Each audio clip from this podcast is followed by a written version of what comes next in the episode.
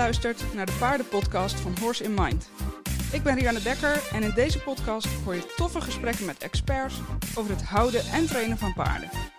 Met al deze experts heb ik één ding gemeen en dat is dat we een wereld vol gezonde en gelukkige paarden willen.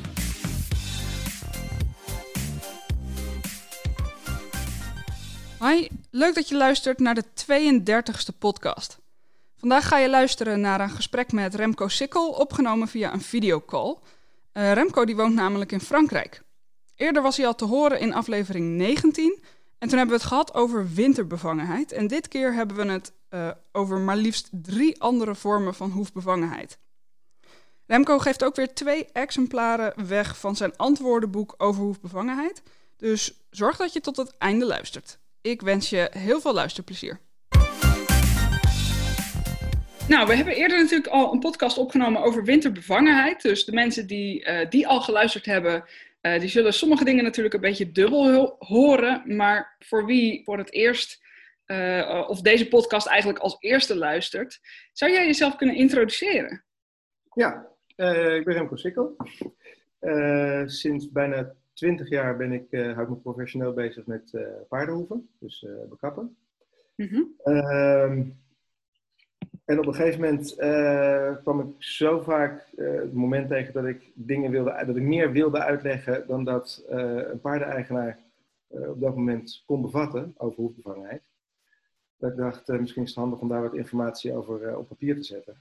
Een klein, een klein foldertje te maken. Ja. Lang verhaal kort, dat kleine foldertje is, is een beetje uit de hand gelopen en dat is nu ja, een groot dik boek geworden met heel veel informatie over, over hoefbevangenheid. Veel, ja, zoveel mogelijk wetenschappelijk goed onderbouwde informatie. En een klein boekje met 230 vragen die het meest gesteld worden over hoefbevangenheid met hele korte antwoorden daarop.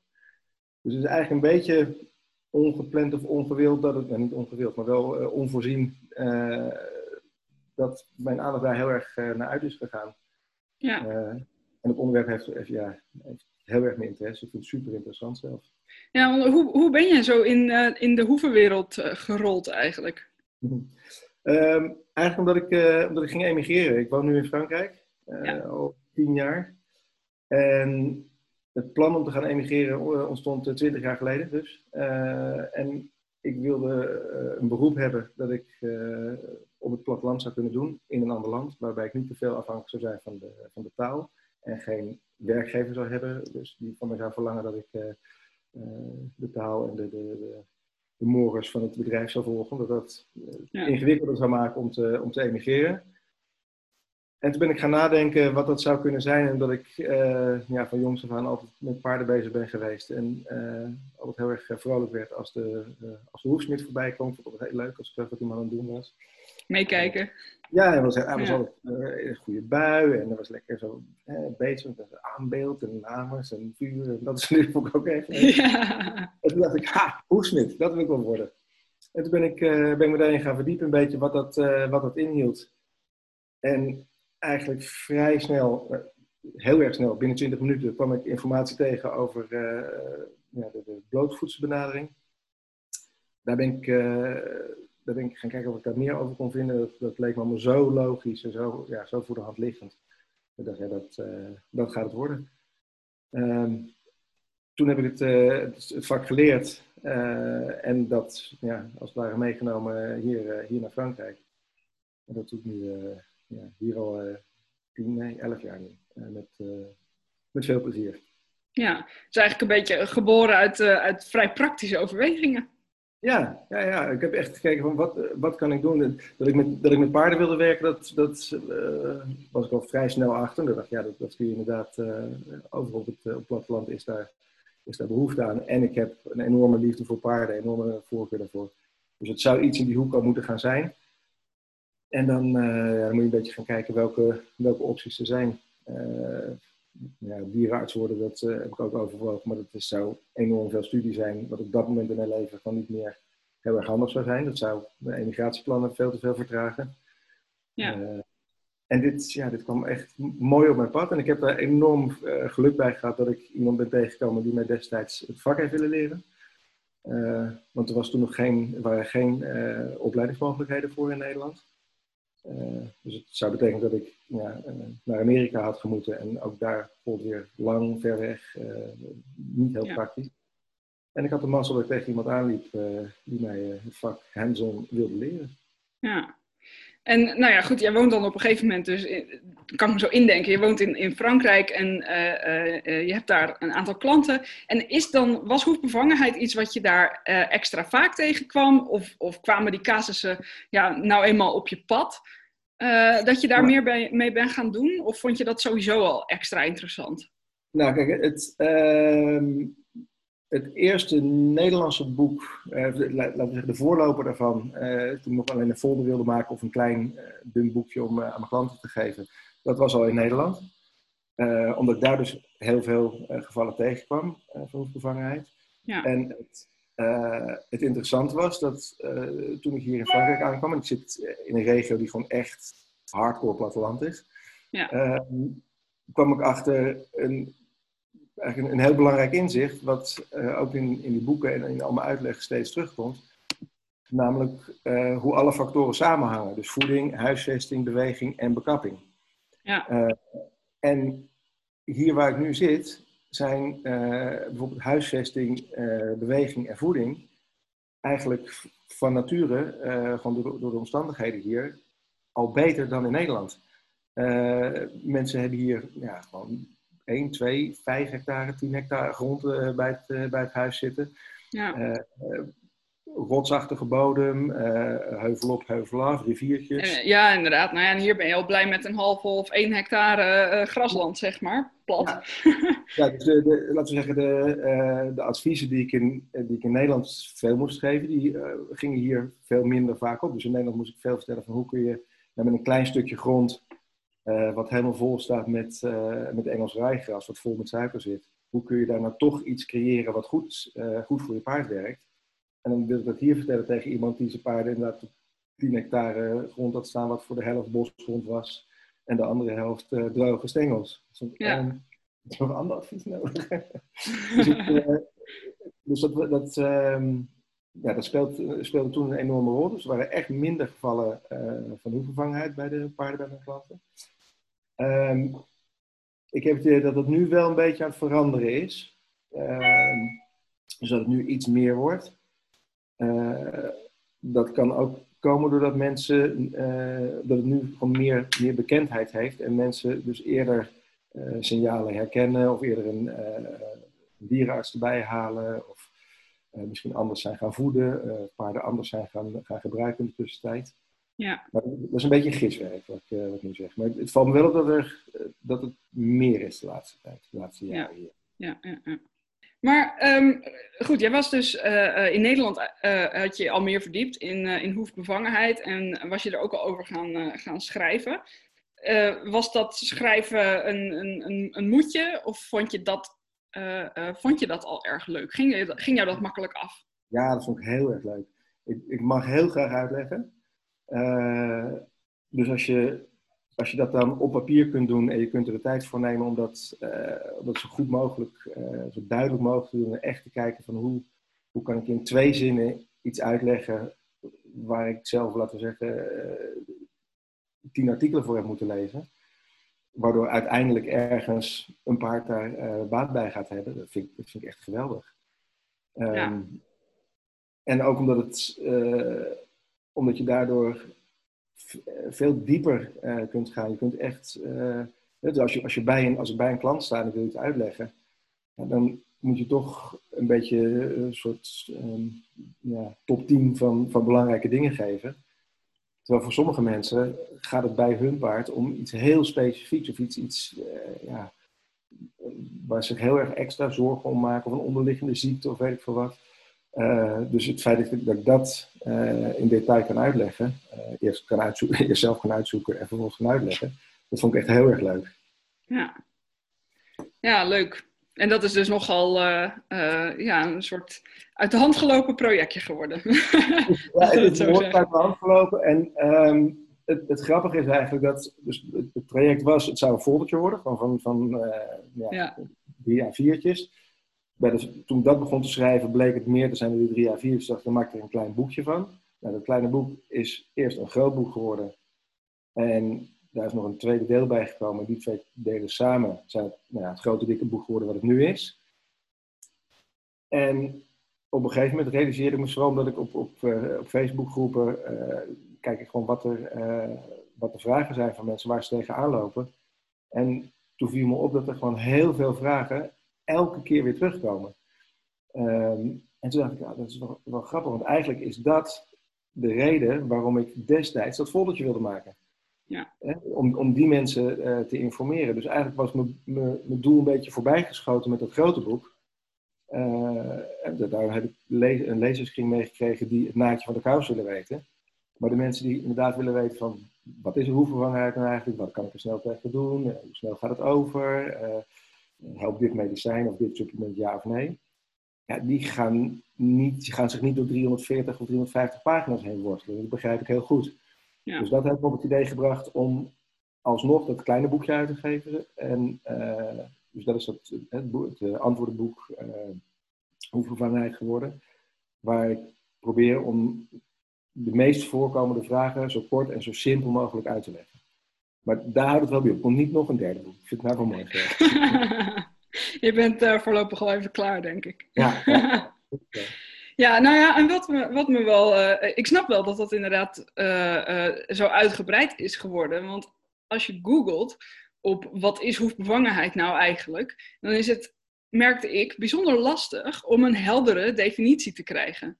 Om een goede, korte definitie te krijgen. Het, het, het dichtste bij eigenlijk dat je kan komen is een ontsteking van de lamellen tussen hoefwand en hoefbeen. Maar het gaat natuurlijk veel verder, veel dieper dan dat. Ja, plus dat, ehm, ja, plus dat, dat een, een klinisch verschijnsel is. Van ja, precies. Ja.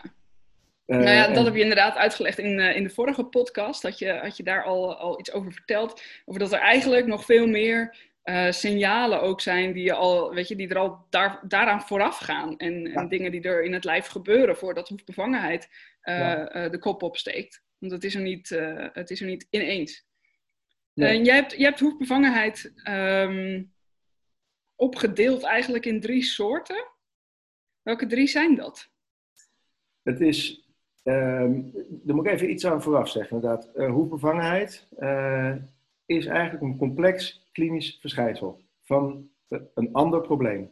En zodra je, zolang je dat niet zo ziet, blijf je dus altijd een beetje ja. uh, in het duister tasten over wat het nou eigenlijk is. Hè? Het, is geen, het is geen hoefziekte, het is geen hoefprobleem. Ja, het is wel een hoefprobleem. Het geeft problemen in de hoef.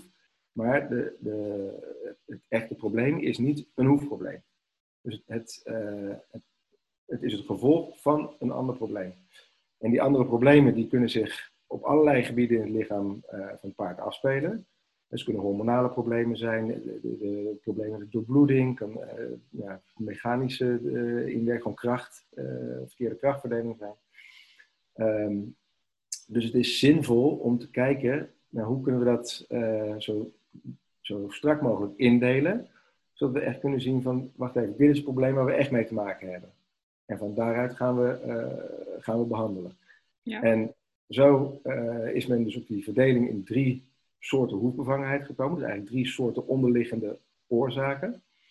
Waarvan de allergrootste uh, hormoongerelateerd is. Uh, endocrinopathische hoefbevangenheid wordt dat ook genoemd. Uh, dus alles wat met hormonen te maken heeft. Ja.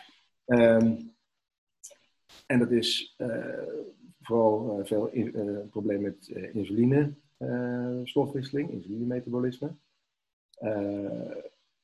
wat uh, voorheen altijd het syndroom van Cushing werd genoemd, het PPID. Dat is een, een, een, een groot eh, probleem met hormonen. En daarnaast uh, hormonen die van buiten het lichaam komen in de vorm van uh, corticosteroïden. Dus al die hormoonproblemen kunnen uiteindelijk leiden tot hoefbevangenheid. Ja. Dat is bij 80 tot 90 procent van de gevallen van hoefbevangenheid het geval. Ja. Dan is er een uh, tweede groep die dus ja, uiteraard een heel stuk kleiner is, want er blijft nog 10% over. Uh, en dat is wat we noemen uh, of sepsis gerelateerde hoefbevangenheid. In dat geval is er sprake van gifstoffen in het lichaam. En die gifstoffen die kunnen vanuit het lichaam zelf komen, doordat er iets misgaat in de darmen. van de dikke darm gaan bacteriën dood en daar komen gifstoffen bij vrij. Het kunnen ook gifstoffen zijn die van buiten het lichaam komen. Dus verontreinigd drinkwater, medicijnen. alle gifstoffen die van, die van buiten komen, die kunnen ook uiteindelijk zorgen voor hoefvervangheid. En de derde vorm is wat we mechanische of traumatische hoefvervangheid noemen. En in dat geval is er sprake van een verkeerde krachtverdeling. Dus dan wordt als het ware de verbinding tussen de, uh, tussen de hoefwand en het hoefbeen, die wordt uh, mechanisch te veel druk gezet, waardoor de boel uh, losscheurt.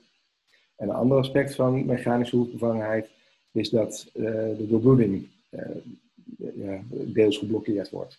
Waardoor er te weinig zuurstof bij het hoefweefsel komt te weinig voedingsstoffen en gifstoffen en zuurstofarm bloed niet goed worden afgevoerd. En ook dat kan leiden tot hoefbevangenheid. Die drie soorten hoefbevangenheid, die hebben, nou, laten we zeggen, bijna altijd wel ergens enige overlap. Uh, het is, is zo'n complex geheel. Uh, en een, uh, laten we zeggen, een suikermolecuul is zich er niet van bewust of die zich in de dunne of in de dikke darm bevindt natuurlijk. Ja. Eh, en in de dunne darm uh, speelt hij een rol bij het ontstaan van die hormoongerelateerde hoefvervangenheid. Omdat die ja, inwerkt op het insulinesysteem. Gaat hij een stukje verder en komt hij in de dikke darm terecht, dan kan hij daar zorgen voor verzuring, waardoor de bacteriën doodgaan. En die bacteriën die zorgen voor uh, die gifstof uiteindelijk. Ja. Dus die dingen die, die overlappen elkaar een beetje natuurlijk. Ja, nou ja, het is wel inter inter interessant dat je net uh, dat je inderdaad bijvoorbeeld suiker noemt. Want heel vaak wordt voeding gezien als, als een, een oorzaak van de hoefbevangenheid. En ik denk als je inderdaad wel verder kijkt naar van ja, hoe komt, hoe komt een paard aan verstoringen in het endocrine stelsel en zo, dan kun je natuurlijk kijken naar voeding. Maar dat de gevoeligheid voor dus die suikers, voor gras, voor energierijk eten, uh, zit hem dus eigenlijk in die eerste vorm van hoefbevangenheid, die hormoongerelateerde. Ja, uh, en dat is iets wat zich gaandeweg ontwikkelt uh, in een paardenlichaam. Ja. insulineresistentie of insulinedysregulatie. die, um, die ontstaat doordat er langdurig te veel snelle suikers in het voedsel zitten, of aangeboden worden in het lichaam, om het een beetje dramatisch te zeggen. Um, langzaam maar zeker raakt dat systeem uh, verstoord uh, en kan het lichaam niet meer goed met die, uh, met die suikers overweg en veroorzaakt uiteindelijk die hoefbevangenheid. Nou, bij PPID, dus de, de zeg ik nog één keer dan wat we vroeger altijd het syndroom van Cushing noemden. Maar ja. Vanaf nu is het gewoon PPID. ja. Net even een ander klein stukje van de, van de hypofyse waar het, waar het misgaat.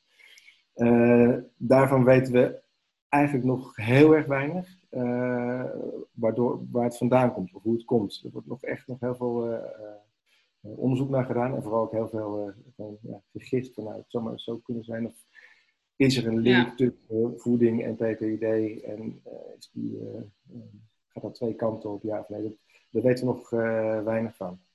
Ja. Maar in dat geval is er dus is er iets aan de hand waardoor het, waardoor het lichaam ja, uiteindelijk dus ook niet goed met die, met die suikers overweg kan. Ja. Daarom ook dat, je, dat het kan gebeuren dat je twee paarden op hetzelfde weiland hebt staan, waarvan er eentje wel bevangen raakt en de ander niet. Ja. Nou, als er een die onderliggende problemen heeft en de ander niet, en ze eten hetzelfde, dan heeft dezelfde hoeveelheid suikers een ander effect op het, uh, op het paard met de onderliggende problemen. Ja, inderdaad. Nou ja, we komen uh, uh, later ook nog wel eventjes terug op het, op het voorkomen ervan. en ik denk dat daar ook een, een, een, groot deel van de, van de oplossing zit. Het, over paarden die op hetzelfde weiland staan, maar de een wordt wel hoekbevangen en de ander niet. En dan kun je al eerder kijken naar bijvoorbeeld jeugd. Hoe zijn ze opgegroeid? Hoe zitten ze genetisch in elkaar? Al dat soort dingen. Maar daar komen we zeker straks nog even op terug. Um, welke, welke vorm van, um, of nee, laat ik het anders zeggen. Zijn er bepaalde seizoenen waarin je een van deze drie meer ziet dan de ander? Of is het eigenlijk altijd zo dat de hormoongerelateerde het meeste voorkomt? Nou ja, het komt het, die hormoongerelateerde komt dus absoluut gezien, uh, het, uh, nee, relatief gezien, het vaakst voor. Ja. Uh, acht, acht op de tien gevallen is hormoongerelateerd. Um, dat is, als we even de toediening van, van medicijnen, corticosteroïden, buiten beschouwing laten. Dus als we alleen kijken naar wat er vanuit het lichaam zelf gebeurt. Um, dan is dat dus een, vooral een reactie op, op suikers en, en problemen met de insuline. Dat betekent dat de seizoenen waarin er veel suiker uh, in het voedsel zit, automatisch voor een hogere kans proefvervangenheid zorgen. En dat is in het voorjaar en in het, uh, in het najaar het geval. Ja. En in het geval van PPID uh, is er een ander hormoon wat een, een, hele belangrijke rol speelt, dus ACTH. Dat is een hormoon dus dat door de hypofyse wordt, wordt aangemaakt. en dat is bij alle zoogdieren aan het begin van de herfst verhoogd. Dat gaat automatisch omhoog en een tijdje weer omlaag. En waarom is eh, dat? Uh, ze denken dat het vooral is om, om zich dat het lichaam zich kan voorbereiden op uh, de voedselschaarste van de winter. Dus door, die, door het hormoon omhoog te gooien gaat, er, gaat het lichaam andersom met, uh, met energie en energieopslag. Wat in een normaal functionerend paardenlichaam van een paard in het wild een goede voorbereiding is op de winter. Um, alleen een paard met PP, bij een paard met PPD is er iets mis met de uh, productie van ACTH. Dus dan komt die verhoging die aan de ziekte gerelateerd is, bovenop de, uh, de normale seizoensgebonden stijging. Ja. En dan gaat het dus gaat het ook mis. Ja, ja, ja. En het grappige, of eigenlijk is het helemaal niet grappig, is het feit dat er natuurlijk in, ik geloof november, oktober en november, Zoiets uh, uh, zijn de testen voor PPID, wat is het, met korting of gratis, of ik weet niet meer precies hoe het zit. Terwijl dat dus eigenlijk compleet verkeerde periode is om in te testen, als ik het zo begrijp. Nee, nee, nee. Het is, het is, juist, het goede, het is juist het goede moment. Dat wel, oké. Ja, ja, ja, omdat dan het, het verschil opeens heel veel groter wordt met, met gezonde paarden. Ah, ja, oké. Okay. Juist een goed idee om, om tijdens die periode te, te testen. Daarom ook dat de, de, fabrikant van het medicijn, want die, zit, uh, die biedt die test gratis aan, die kiest uiteraard voor het moment waarop die test zo betrouwbaar mogelijk is. Ja, precies. Ja. Ah, grappig wel. Ik had hem inderdaad dus anders. ik had het antwoord anders ingeschat. Ja. namelijk, ja, omdat dus je, als die waardes dan verhoogd zijn, dan zou het logisch zijn dat, dat, dat zo'n test dan, uh, dan positief uitslaat. Maar blijkbaar, je zegt van ja, daar wordt eigenlijk al rekening mee gehouden in, uh, in de uitslag. Ja, je hebt uh, referentiewaarden, zoals het genoemd wordt. Ja. Dus een ja, onder- en een boven, bovengrens. dus laten we zeggen, de meeste paarden zitten binnen de referentiewaarde. en een, een, een dierenarts of een laboratorium dat test, die houdt er uiteraard mee dat die referentiewaarden in die maanden hoger moeten liggen. Ja. Uh, en die worden ook met enige regelmaat bijgesteld. Dus op basis van voortschrijdend wetenschappelijk inzicht kan op een gegeven moment gezegd worden van, oh, wacht even, we hebben nu altijd hier rekening mee gehouden, maar hij mag eigenlijk wel iets hoger. Dat is, dat is onlangs gebeurd. Dus, ja. Ehm, en ACTH, dat is een stresshormoon, toch? Ja, het is een ja ook. En het is een, uh, de ACTH die door de hypofyse wordt aangemaakt, of dat deel van de hypofyse wordt aangemaakt, wat bij PPD voor problemen zorgt, uh, is eigenlijk een, een hormoon dat nog verder opgesplitst wordt in nou ja, kleine hormonen die allerlei andere functies hebben. Dus om het even heel simpel te zeggen, de, de ACTH wordt op twee plekken in de hypofyse aangemaakt. De hypofyse bestaat uit kwabben. Een voorkwab, een middenkwab en een achterkwab. En de ACTH die in de voorkwab wordt aangemaakt, is anders dan die in de middenkwab wordt aangemaakt. En diegene die in de middenkwab wordt aangemaakt, dat is degene waarbij het misgaat bij PPD, die dient voor een groot deel als laten we zeggen, grondstof voor uh, kleine hormonen. En die zijn niet, die niet per se stressgerelateerd. Ah, oké. Want wat, dus ik de... wat ik me eigenlijk afvroeg is dat het, het uh, nou ja, bloedprikken is voor best veel paarden al stressvol. Heeft dat dan effect op de uitslag? Ja, en ook de pijn van hoefbevangenheid ja. kan, kan invloed hebben. dus het is, het is wel raadzaam om het moment af te wachten dat, dat die pijn bijvoorbeeld zo laag mogelijk is. dus als een paard echt ja, acute hoefbevangenheid, hoefbevangenheid heeft en achterover hangt op alle vier zijn hoeven, is niet het allerbeste moment om dat te testen. Nee, precies. En ja, die, die, ik durf wel te zeggen dat het natuurlijk voor elk paard een beetje stressvol is om geprikt te worden. Dus dan zou je ook kunnen denken dat die referentiewaarden ook voor allemaal uh, wat hoger liggen. Ja. Dus het is niet dat het uh, voor, uh, op een ander moment minder stressvol is om geprikt te worden. Nee, precies. Maar het, het is dus wel handig om een beetje, nou ja, om een beetje goed naar je paard te kijken, te bedenken van, joh, heeft mijn paard niet ergens anders al pijn van wat deze test kan beïnvloeden? Nou ja, dus geen acute hoefbevangenheid of dat soort pijnlijke zaken. Ja. om dus wel een beetje holistisch naar je paard te kijken en dan het moment te kiezen van, van testen op, op PPD. Ja. En, een, en een, een, fijne dierenarts ook, die, die daar de tijd neemt. Ja, belangrijk als je ziet dat je paard het heel spannend vindt om, om geprikt te worden, of bang is voor de dierenarts, dat hij zich niet boos maakt of, of het even snel snel wil doen. Maar dat geldt uiteraard voor elke behandeling. Ja, nee, zeker. zeker. Ja, wat ik me uh, zo tussendoor even, even afvraag, is dat je hebt heel veel uh, kennis van, het, van het anatomie en van hoe dat allemaal werkt in het lichaam en verschillende systemen die zich daarin afspelen. Uh, is, zit biologie in jouw achtergrond of heb je, dit, uh, heb je hierin verdiept speciaal voor de boeken? Als we, als we 10 centimeter naar rechts en naar links gaan in het paard liggen, dan weet ik er niks vanaf. nee, van de, de, de, anatomie en de fysiologie van de hoef uh, weet ik uiteraard veel. En met name PPD, als je daarin gaat verdiepen, ehm, dan wordt het nog een heel stuk ingewikkelder. Dan krijg je het hele hormonale systeem. Ja. Dus alles vanaf de hypothalamus, hypofyse en dan verder het lichaam in. Dus daar wil ik veel van weten om dat goed te kunnen snappen. Ja. Dus functionele biologie uh, kennis. Ja. ja. maar daar van de andere klieren, daar weet ik helemaal niks van. Ja, ja, ja. um, even kijken. Um, als we dan gaan naar, uh, uh, nou ja, eigenlijk de signalen van hoefbevangenheid. Hoe herken je dat nou eigenlijk? Dan de meeste mensen kennen natuurlijk de signalen wel van nou ja, een paard wat, wat echt op eieren loopt of helemaal uh, achterover hangt, groeiringen in de voet. Um, als je nog wat, nou ja, nog wat beter oplet of er iets meer van weet, dan kun je ook nog wel op temperatuur letten en pulsatie in de koot. Um, een rode, rodige witte lijn. Um, maar volgens mij zijn er nog veel meer signalen eigenlijk die je kan oppikken. Ja, nou, je hebt er al best wel een aantal genoemd, maar laat ik even aan toevoegen, en dat heb ik volgens mij in de vorige podcast ook over gehad. Het ellendige is dat op het moment dat je klinische verschijnselen gaat zien, ben je eigenlijk al te laat. Dan, dan is de hoekbevangenheid is er al. Hè? Dus er zijn allerlei dingen op, op celniveau uh, aan de hand die je niet kunt zien. Dus zodra, daarom is het goed om, uh, om het scherp te zijn op uh, signalen, zodat je zodra ze ook maar iets aandient, dat je in ieder geval zo, zo vroeg mogelijk in het, in het proces kunt ingrijpen. Dus de dingen die jij noemt, die zijn al, die zijn al bekend. Um, die paarden die hebben, die hebben pijn en die laten, die laten pijn niet altijd even makkelijk zien.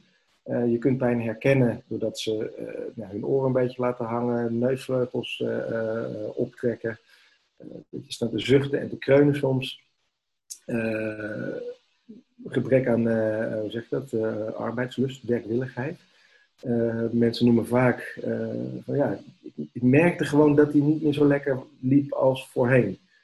Ehm, en daar moet je gewoon, dat moet je serieus nemen. Dat moet je proberen in een, in een groter geheel te zien. dus niet, niet doorheen drukken of denken, ah ja, volgende week zal het wel beter zijn. je kent je paard als geen ander. Dus als je merkt van hé, hey, hij is gewoon echt wat, wat terughoudender. Uh, ja, kijk even naar die andere factoren die aan hoefvervangenheid gerelateerd zijn. Voedingsfactoren of beweging. Dat je denkt, nou, misschien is er dan toch, toch meer aan de hand. Ja.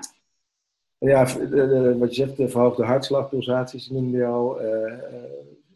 hoge ademhalingsfrequentie wordt, wordt vaak genoemd. Ehm, nou, dat zijn wel de meest, de meest voor de hand, of meest in het oog springende factoren. Uh, koorts. je kunt in de oren voelen dat ze opvallend veel warmer zijn. Ja. wat ik ook eigenlijk, zeker bij als je, als je paarden hebt die, die in een risicogroep vallen, dus de, rustieke rassen, zal ik maar zeggen, de, de, de Shetlanders en dergelijke, of paarden die al hoefbevangen geweest zijn, is dat je je paard goed leert kennen, zijn fysieke gestel, op het moment dat hij niet ziek is. Want als je moet gaan kijken, zijn de hoeven warm? Ja, als je je hand op een hoef legt en, je weet niet hoe die moet zijn, dan weet je ook niet of die warm is of niet. Uh, op dat moment kun je altijd natuurlijk nog vergelijken tussen een voorhoef en een achterhoef, omdat het toch meestal in de voorhoeven speelt. Dus als je dan een opvallend verschil in warmte voelt tussen voor en achter, is dat een, uh, een aanwijzing. Hetzelfde geldt voor die pulsaties in de, uh, de, in de kootholte. Ja. Maar het is dus ook wel interessant dat als je paard goed is, dat je dan die hoeftemperatuur met je hand leert voelen.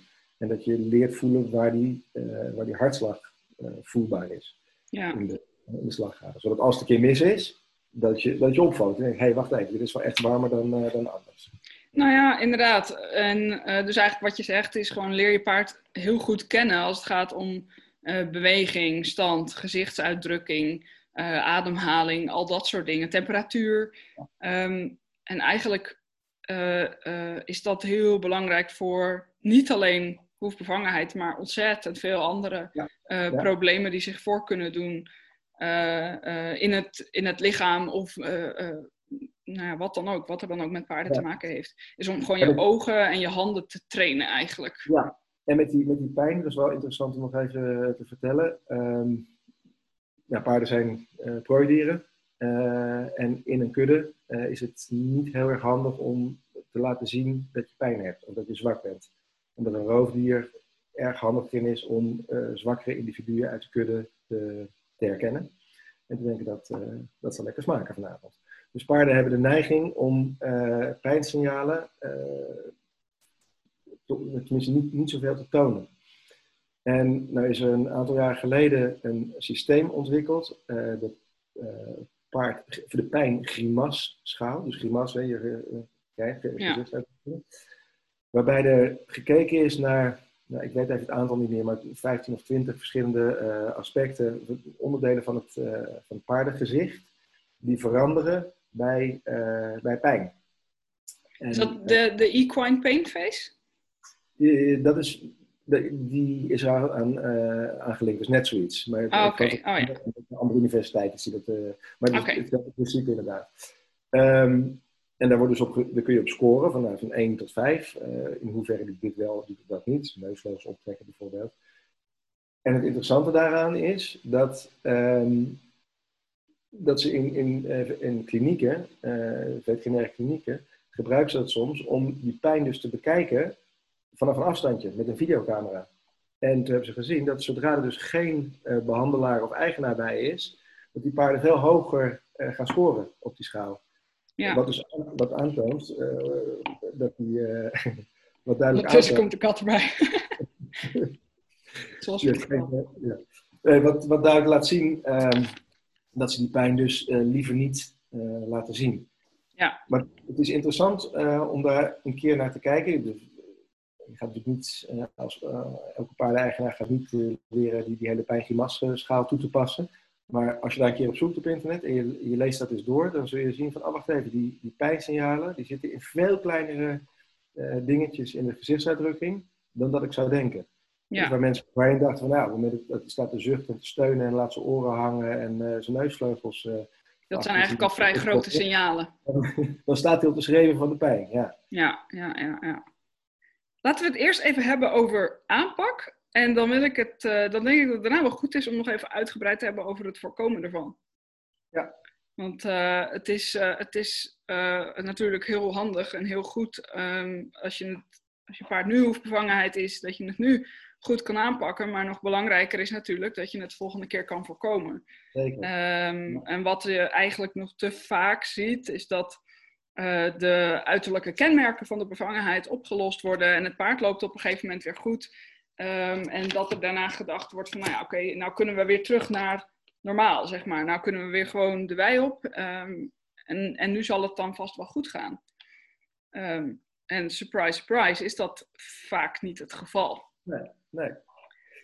Dus eerst even aanpak. Wat, zijn, wat, zijn, wat zijn volgens jou eigenlijk de, de, de stappen die je, die je neemt als je je paard uh, uh, duidelijk hoefbevangen aantreft? Dus je hebt die eerste signalen gemist eigenlijk. Stap 1. Dierenarts bellen. En dan, het, dan even diep ademhalen en dan de rest. Ja.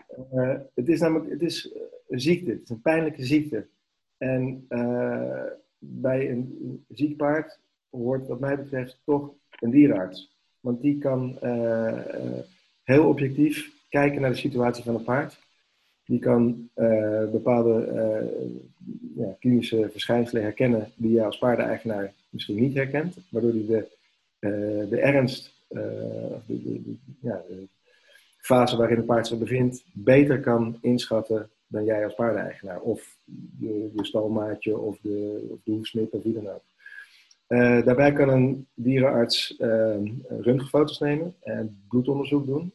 En hij kan die, ehm, die dingen ook goed interpreteren. En dan kan hij eventueel ook overleggen met, uh, laten we zeggen, een, een, radioloog. Die kan misschien beter naar die uh, röntgenfoto kijken. Of een, uh, iemand van het, van het laboratorium die beter naar die resultaten van het bloedonderzoek kan kijken. En ik benadruk dit zo omdat deze stap toch vaak of wordt overgeslagen of te laat wordt genomen. Of doordat uh, ja, dierenartsen toch te vaak uh, door mensen worden gezien als, ach, weet je, die komt alleen maar, die geeft alleen maar een pijnstiller en een bloedverdunner en weg is weer. En het kan best zo zijn dat, dat, dat mensen die ervaring hebben en dat dat inderdaad niet goed is. Maar dat moet je niet tegenhouden om toch een goede dierenarts te zoeken die het probleem serieus neemt en samen met jou kijkt naar hoe gaan we dit aanpakken. Omdat in, uh, in sommige gevallen uh, ziet hij dingen of weet hij dingen die, ja, die je gewoon niet zo snel niet zo snel ziet. Ik zal er één, voorbeeldje van geven. Uh, uiteraard kom ik straks terug op de rest. Ik zag laatst op een, een, Franse Facebookpagina over hoekbevangenheid. Iemand die informatie vroeg over het gebruik van metformine. Het is een, een medicijn dat, onder dat, dat gebruikt wordt om bloedsuiker te reguleren. En ja, dat werkt op drie verschillende niveaus. Doet dat iets aan aan, bloedsuiker. En ik heb ergens in, in volgens mij al tweede boeken zelfs staan, van nou kijk er maar uit, want dat moet je, dat is echt, dat moet je alleen gebruiken als, uh, als beweging en voedingsaanpassingen echt niet helpen. En het wordt een dieet in een potje genoemd. En, dus ik, was, ik, ik veerde gelijk op toen ik het zag. Ik ach, heb je weer iemand die het probleem met, met een medicijn wil oplossen. Hè? Een, een dierenarts die uh, weer gauw een medicijn instopt.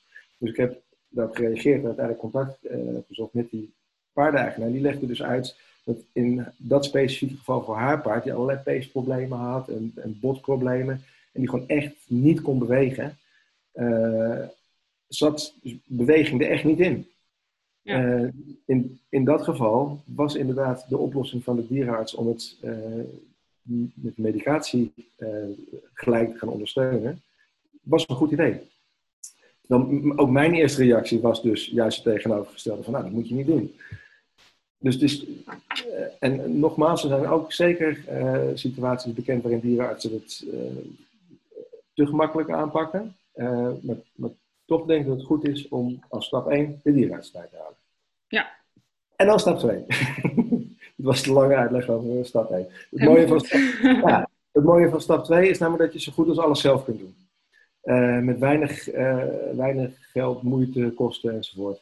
Uh, en het is eigenlijk een soort, soort EHBO. Uh, dat is haal je paard van het grasland af. want de kans is gewoon ja, enorm groot dat het te maken heeft met het gras waar hij op staat, met het voedsel dat hij krijgt. Dus zet hem in een paddock of in een rijbak of desnoods op het erf met een stuk schrikband ervoor. Ja, een plek op het zand waar hij wel kan bewegen. Ja, ja maar in ieder geval van het gras af. geef hem grofstengelig gooi, wat je spoelt, weekt in water om de, uh, de, de, zoveel mogelijk uh, snelle suikers eruit te, te, te, wassen. Laat het goed drogen, het hooi, geef je geen nat hooi. Dus, uitgespoeld hooi geven, een goede liksteen geven. zorg dat hij goed kan liggen, want hij heeft pijn. Dus hij wil af en toe, zegt steeds hij, hè, hij het paard. Ja. Nou ja, het is ook zo wat. Ja, het, het wil eten. ja, hij klinkt dan toch vriendelijker. Ja. Dus als, hij, als hij wil liggen, dan moet je zorgen dat er een, een plek is waar hij, waar hij zacht kan liggen, zodat hij zijn, zijn hoeven kan ontzien. Um, geef magnesium. Magnesium, daarvan gaan we er toch van uit dat dat uh, helpt om de gevoeligheid voor insuline te vergroten. Dus zelfs als er uh, geen probleem is met insuline voor je paard, dan doet die magnesium geen kwaad. Uh, tenzij ja. hij een chronisch nierprobleem heeft. Maar over het algemeen, het kan geen kwaad om het te geven. Maar aangezien 80% van de paarden problemen heeft met insuline, is het ja. een goed idee om wel, insuline, wel magnesium te geven. Ja, nou ja, en bijkomend voordeel is natuurlijk dat je van al die pijn behoorlijk strak in je lijf wordt. Um, En magnesium natuurlijk ook nog een positief effect heeft op de spierontspanning. Ja, ja, ja. En dan uh, de hoeven koelen, zoveel mogelijk, zo lang mogelijk. Uh, dat is ook een, een uh, iets wat ik als advies vaak ja, toch verkeerd tegenkom in Facebookgroepen. En niet verkeerd, want het is heel goed bedoeld. Maar van hoe, hoe koel ik je hoeven? En dan hebben mensen over of je een half uur of drie kwartier met de tuinslang op de hoeve moet uh, spoelen. Of moet ja. uh, Terwijl de wetenschappelijke literatuur aangeeft uh, eh, 72 uur in bakken met ijswater. Continu. Dus het verschil, ja, het verschil tussen even lang... Ja. Ja. En gewoon urenlang achter elkaar in ijskoud water. En wat is daar het effect dan van? Uh, het, is, uh, het vertraagt het, de stofwisseling in, de, in het weefsel van de hoef. suikeropname daarvan wordt minder. De, ontste dus, de ontstekingen worden door geremd. Dus je, je, je gooit als het ware even de rem op het, op het hele systeem. Ja, dus Waardoor... en dat gaat dan alleen om de acute fase? ja, want ja. in de acute fase je moet je voorstellen, dat die hoef kun je zien als een orgaan. En dat orgaan is uh, ja, laten we zeggen, onderhevig aan een groot probleem. Want aan het begin zei het echte probleem zit ergens anders. Maar op het moment dat je je paard achterover ziet hangen van de pijn, uh, ben je even niet zo heel erg bezig met welk kliertje nou welk hormoontje afscheidt. Je wil snel iets kunnen doen.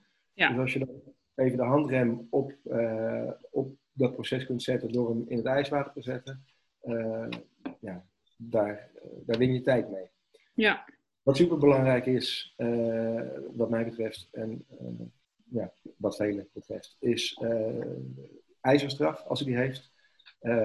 die hoefijzers die, die belasten met name de, de buitenzijde van de hoef. En dat is nou juist waar het probleem zit, dus waar de pijn zit. Ja. dus als het volle gewicht gedragen wordt op een harde ijzeren rand, terwijl daar een flinke ontsteking aan de gang is. Ja, weinig uh, verdere voorbeelden over te geven. Iedereen kan zich voorstellen dat dat pijnlijk is. Plus dat die ijzers de, de bloeding uh, frustreren. Eh, dus als je die ijzers eraf haalt, ja, heeft het systeem gewoon meer, meer mogelijkheden om sneller te gaan herstellen. En hetzelfde geldt voor bekappen. Want dus of het bijna op ijzer staat of op de lange, te lange hoeven de lange hoefwanden. Daar geldt natuurlijk hetzelfde. Dan krijg je ook wat we perifere belasting noemen. Dus belasting uh, van de, de periferiek, de buitenzijde van de, uh, van de hoef. Dus nadat je de dierarts hebt gebeld en je bent al deze dingen gaan doen uh, om je paard zo snel mogelijk te helpen, is het volgende belletje wat je doet de hoefsmid, de hoefverzorger, de bekapper of hoe je deze professional maar wilt noemen. Want uh, die hoeven die moeten, uh, die moeten zo snel mogelijk uh, bekapt worden. met name om de druk weg te nemen op die beschadigde verbinding tussen de hoefwand en de hoefbeen. Want die ja. doet pijn. Zodra de, de druk eraf gehaald kan worden, is er minder pijn. Ja. En dat is wat je zo snel mogelijk wil bereiken. Op de iets langere termijn wil je dat die hoef zo bekapt wordt dat het hoefbeen, dus het bot binnenin de, binnenin de hoef, zo mooi mogelijk parallel met de grond komt te staan. Want ook dan is er minder, minder druk op, die, op het beschadigde weefsel. en wordt ook ja, het afrollen van de hoef verloopt beter, de bebloeding verloopt beter enzovoort.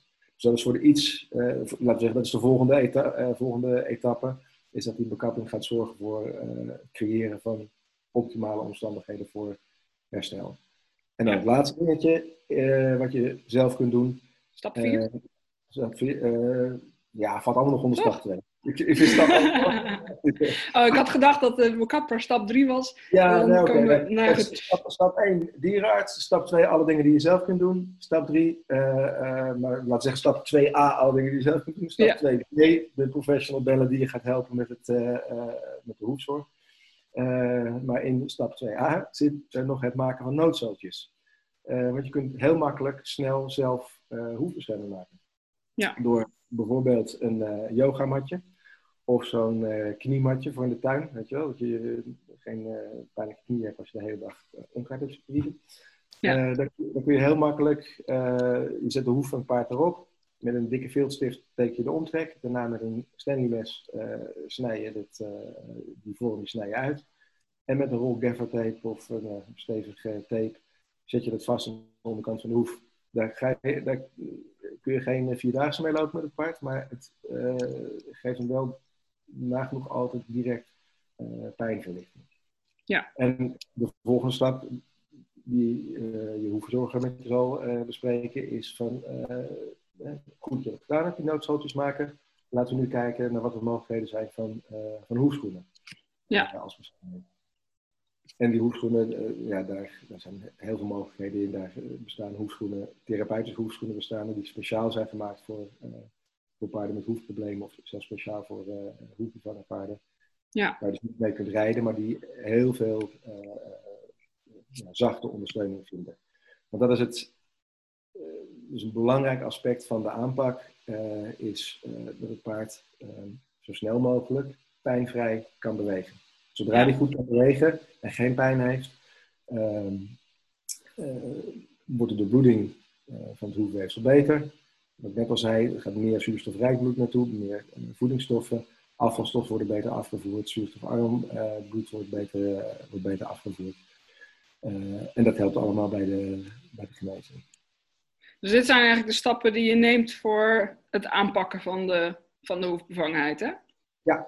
ja. Dat is het, het eerste wat je gaat doen. Uh, ja. Dierenarts bellen, zorgen dat hij, dat hij goed en veilig staat, uh, geen pijn heeft en hoefzorg gaan, gaan organiseren. En, en hoe vaak bekappen raad jij aan dan? Om hoeveel tijd? Dat hangt, dat, dat hangt er een beetje vanaf hoe ernstig die eraan toe is. Um, um, ik zou zeggen in het begin, maar ja, daarbij wil ik geen, uh, geen collega's in de, in de die, net even wat anders doen. De meningen zijn er een beetje over verdeeld. Maar ik zou, als een paard flink acuut hoefbevangen is, zou ik zeggen, hou in ieder geval in het begin even elke twee, drie weken, vier weken maximaal een, uh, een professional erbij die ja. verstand, verstand heeft van en ervaring heeft met, uh, met vervangenheid. Um, diegene die zal ook op een gegeven moment gaan zeggen van nou, die periode kan wel wat langer of nee, hier is zoveel aan de hand, hier moet ik, uh, hier moet ik vaker bij zijn.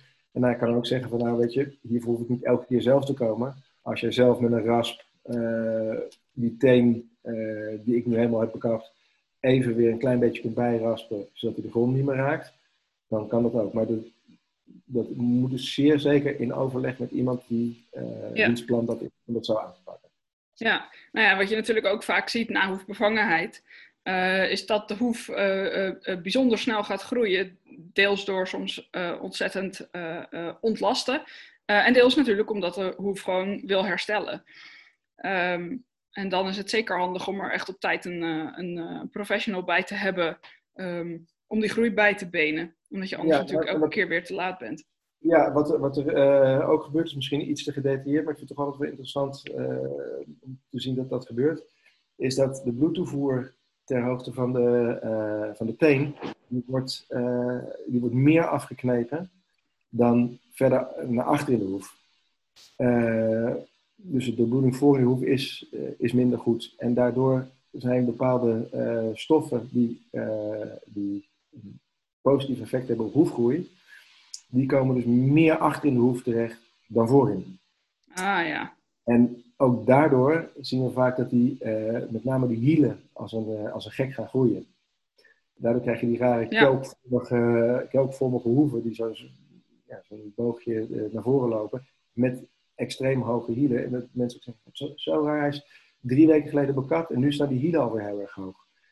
Um, dat klopt dus, bij een gezonde hoef gaat dat, gebeurt dat niet zo. Maar door, wat ik net vertelde, gaan die hielen veel harder groeien. Daardoor verandert de hoek die het hoefbeen maakt met de grond op een manier die je niet wilt. Hij gaat naar voren, verder naar voren staan. Waardoor er juist weer meer druk komt voor in de hoef, waar uh, het probleem zich het meest openbaart. Dus waar de, de hoef ja. het meest uh, beschadigd is. Uh, dus ook daarom wil je dat een, een hoeverzorger vaker komt om met name ja. dus de hielen ook netjes steeds kort te zetten. Ja, precies. Ja, en dan kunnen we er eigenlijk een vierde stap aan toevoegen en dat is zoeken naar de oorzaak. Ja, en dat is uh, een heel erg belangrijke en die wordt uh, erg vaak uh, ja, overgeslagen of vergeten of krijgt niet alle aandacht die die, die nodig heeft. En dat is ook heel begrijpelijk, want als je een paard hebt dat altijd prima gezond was en opeens is hij ernstig bevangen, dan schrik je rot. En dan ga je snel in actie komen. En uh, je haalt er mensen bij uh, die, daar, uh, die je kunnen helpen. En als die succesvol zijn, dan zie je vrij snel dat je paard weer goed loopt. Dat het probleem minder wordt. De pijn wordt minder. Hij, hij, loopt beter enzovoort. En dan, ja. Het probleem lijkt opgelost. Het probleem li lijkt opgelost. Um, maar het ellendige is, je weet niet altijd zelfs welk deel van de genezing komt van de dierenarts, van de hoefsmid, van jouw eigen uh, acties of van het gewoon natuurlijk herstel. Want uh, ja, wat ziek is, wordt beter in de meeste gevallen. Er zijn helaas ook uitzonderingen, maar uh, het lichaam is gewoon ook goed in staat om te genezen. Ja. dus als, als het paard beter gaat en ja, je weet niet welke van deze vier dingen nou welk aandeel heeft gehad in de genezing, is de kans dat het weer terug gaat komen uh, best groot. Want die, die oorzaak die zou best wel eens uh, bijvoorbeeld een uh, beginnende insulineresistentie kunnen zijn. Hè, zodat het lichaam niet goed reageert op suikers en op, op insuline die je zelf aanmaakt. Um, de lente is, is voorbij, laten we zeggen. je hebt alles gedaan wat je, wat je moest doen samen met de dierenarts en de, en de hoeverzorger. En je paard loopt weer goed. Uh, de hoeveelheid suikers in het gras gaat omlaag. Maar die oorzaak van die insulineresistentie, of laten we zeggen, de beginnende PPID bij wat, uh, het oude paard, die is wel degelijk aanwezig. Dus als jij niet op zoek bent gegaan naar die oorzaak, dan is je paard in de herfst gewoon weer aan de beurt. Ja. En dat is een beetje zonde. Ja, je ziet dan inderdaad vaak dat het uh, een keer hoeft bevangen en dan het jaar daarop weer. En dan eigenlijk zie je dat het elkaar steeds sneller opvolgt totdat eigenaar met de handen in het haar zit van ja, mijn paard wordt niet meer beter. Ja. Uh, doordat er eigenlijk in eerste instantie al geen oorzaak gevonden is uh, uh, en aangepast is. Dus hoe, hoe ga je dan op zoek naar waar de oorzaak ligt voor jouw paard? Hoe pak je dat dan aan? Waar, wat, waar ja. begin je met veranderen? Ja, ik zou ook hier weer overleggen met de dierenarts, want die heeft, als het een beetje mee zit, bloedonderzoek gedaan, en uh, röntgenfoto's gemaakt, goed naar het paard gekeken. En die heeft heel veel andere paarden gezien die lijken op jouw paard. Uh, in dezelfde soort omstandigheden, dezelfde huisvesting, dezelfde, de, hetzelfde voedingsschema enzovoort. Dus die kan al een, uh, um, zeg je dat, een structuur zien. dus die kan, je daar, die kan je daarmee helpen. Je hebt paarden die, ja, die onder de, de, de risicorassen vallen. Hè? Dus wat ik net al zei, die, die rustieke rassen die met minder uh, energie uh, prima kunnen presteren en die bij ons te veel krijgen. Ja. Uh, dus dat zijn dingen om naar te kijken, dat zijn de, de, de, de, makkelijke dingen om naar te kijken. Waar je naar kunt kijken is, wat is er, wat is er veranderd? Wat is er nou anders geworden vlak voordat mijn paard hoefgevangen werd? Heb ik iets veranderd in, in voedsel? ben ik van, van hooileverancier veranderd? gebruik ik mijn paard anders? Ben ik minder gaan rijden? Ben ik meer gaan rijden? is hij, stond hij altijd in zijn eentje, staat hij nu in een kudde? Of andersom. Daarmee krijg je inzicht in dingen als voeding en, en beweging die een rol spelen. Ja. Ehm, je kunt kijken naar, uh, je kunt uh, bodemonderzoek laten doen en uh, gewasonderzoek, gras laten onderzoeken. Je kunt kijken hoe, het, hoe het zit, wat voor voeding krijgt hij binnen. Als daar opeens hele afwijkende dingen in zitten, kun je denken, ja, wat, wat in de bodem of in het gras al niet goed is, zit, in, het hooi, zit in het hooi ook niet goed. Als, als je hooi geeft wat van suikerrijk gras komt. en een goede kans dat het in het paardenlichaam ook niet helemaal goed is. Dus als, dan, als je dan een uh, bepaald uh, tekort van, van vitamine of mineralen vermoedt, zou je bloedonderzoek kunnen laten doen om, om dat aan te, aan te tonen. Vervolgens moet je kijken gewoon naar, onderliggende kwalen. En daar moet je ook weer met je dierenarts overleggen. En ik weet dat er dierenartsen zijn die daar niet heel hard in lopen. Ik denk, ach, en dat begrijp ik ook. Want ik denk, nou, het probleem is nu toch opgelost, paard loopt goed. Uh, en dan komt een eigenaar die zegt, ja, maar zou het niet kunnen zijn dat mijn paard een chronisch leverprobleem heeft? Of een nier, uh, chronisch nierbekken ontsteekt, noem maar wat. Uh, dus een mondige klant is niet, krijgt niet altijd iedereen in beweging. Ja. als je daar vermoedens over hebt, ja, het is gewoon wel echt interessant om te kijken wat er aan de hand is. En dan, dan komt die PPID weer terug. Dat is, is een probleem waarvan we vroeger ervan uitgingen dat het vooral een oude paardenkwaal was. En de leeftijd waarop het vastgesteld wordt, die begint uh, naar voren te kruipen. Dat is, begint steeds uh, jonger al. En we zien ook paarden met PPID die niet de meest in het oog springende verschijnselen laten zien, zoals die rare, dik, krullige vacht. Ja. dus als, er, als je afwijkingen ziet, dingen die je opvallen, van nou, hij, hij drinkt heel veel of hij plast heel erg veel. Ehm, bespreek dat met je dierenarts. En, en als je denkt, van, ik denk toch echt dat het interessant is om hem een keer te laten testen op uh, eh, PPID. En je dierenarts zegt, ja, maar hij is pas 13 en hij heeft niet die, uh, die uh, krullige vacht. Ja, ik zou het toch liever zeker willen weten. En dan toch een beetje, een beetje aandringen. Ik zeg niet dat je met, dus, met een paard van, van drie bij het eerste hoefbevangenheidje gelijk op PPD moet laten testen. Je moet een beetje de sweet spot zien te vinden natuurlijk. Um, maar dat, ga kijken wat, wat is het, is er sprake van een onderliggende ziekte. Ja, ja inderdaad. En om daar dan ook niet al te snel in, in op te geven en een beetje eigenwijs te zijn en door te zoeken. En um, wat, wat je vaak ziet en wat natuurlijk ook heel begrijpelijk is, is dat uh, het advies van de dierenarts um, ja, als, als waar wordt verklaard. En natuurlijk is dat uh, in veel gevallen, uh, klopt dat ook, maar er zijn natuurlijk ook gevallen waarin de dierenarts ook maar gewoon een mens is en zich kan vergissen of van een bepaalde, bepaald syndroom of een bepaald onderliggend probleem minder kennis heeft. En het daarom niet herkent of misschien minder casussen daarvan gezien heeft. Ja, en dan is het gewoon wel heel verstandig om, ja, om toch door te zoeken. Ja.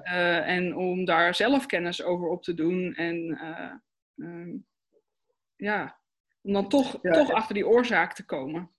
Ja, en wat een goed idee is, vind ik altijd, is om uh, de dierenarts en de hoefverzorger uh, ook of op dezelfde dag te laten zijn, uh, als de dierenarts komt om te kijken wat er aan de hand is, of voor een tweede bezoek. Of in ieder geval te zorgen dat ze met elkaar in contact komen of overleggen. want ze zijn samen met de paardeneigenaar, zijn ze met z'n drieën bezig met hetzelfde paard. Ja. Uh, en iedereen ziet andere dingen en iedereen heeft andere ervaringen.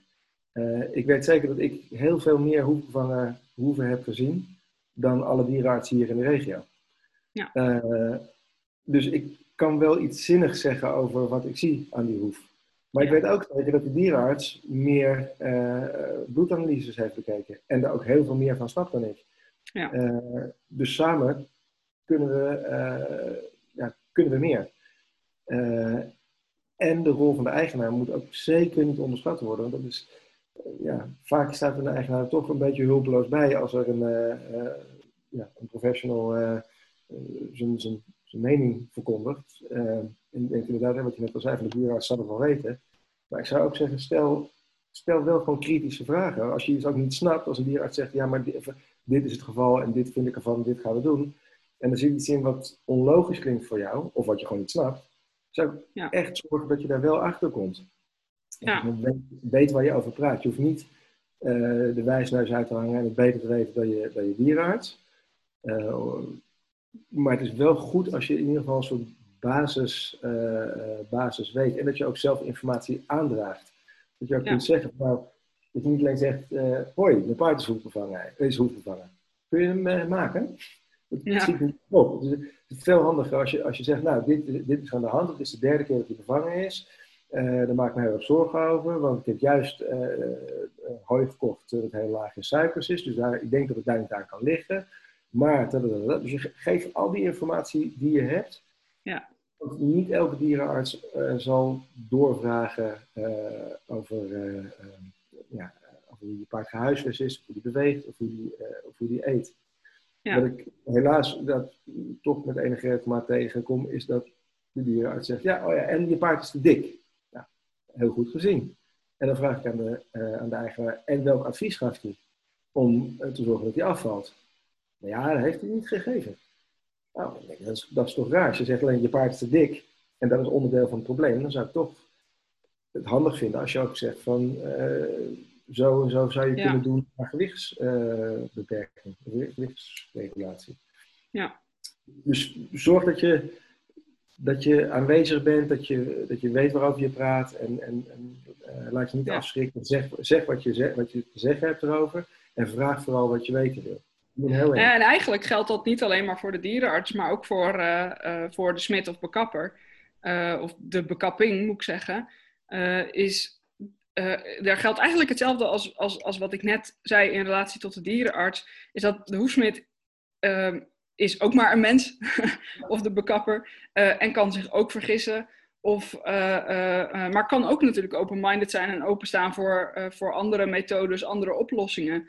en het is denk ik ook de taak van de eigenaar om. Um, je, je bent zelf verantwoordelijk voor je paard en voor de gezondheid van je paard. Dat is niet de dierenarts en dat is niet de bekapper.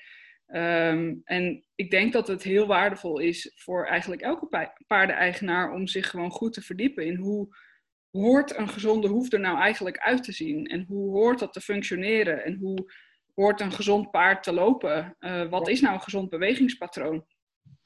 Zelfs als je uiteindelijk zelf niet, weet je, niet zelf je paard wil bekappen, maar dat uit handen wil blijven geven, is het zo waardevol om uh, goede vragen te kunnen stellen dus die goede vragen die je aan je dierenarts kan stellen, maar ook dus goede vragen aan je bekapper kunnen stellen en mee kunnen kijken en uh, uh, ja, niet de wijsneus uithangen, maar wel kritisch kunnen zijn. Ja. En andersom geldt het dus ook voor, voor bekappers en hoefsmeden. Ja.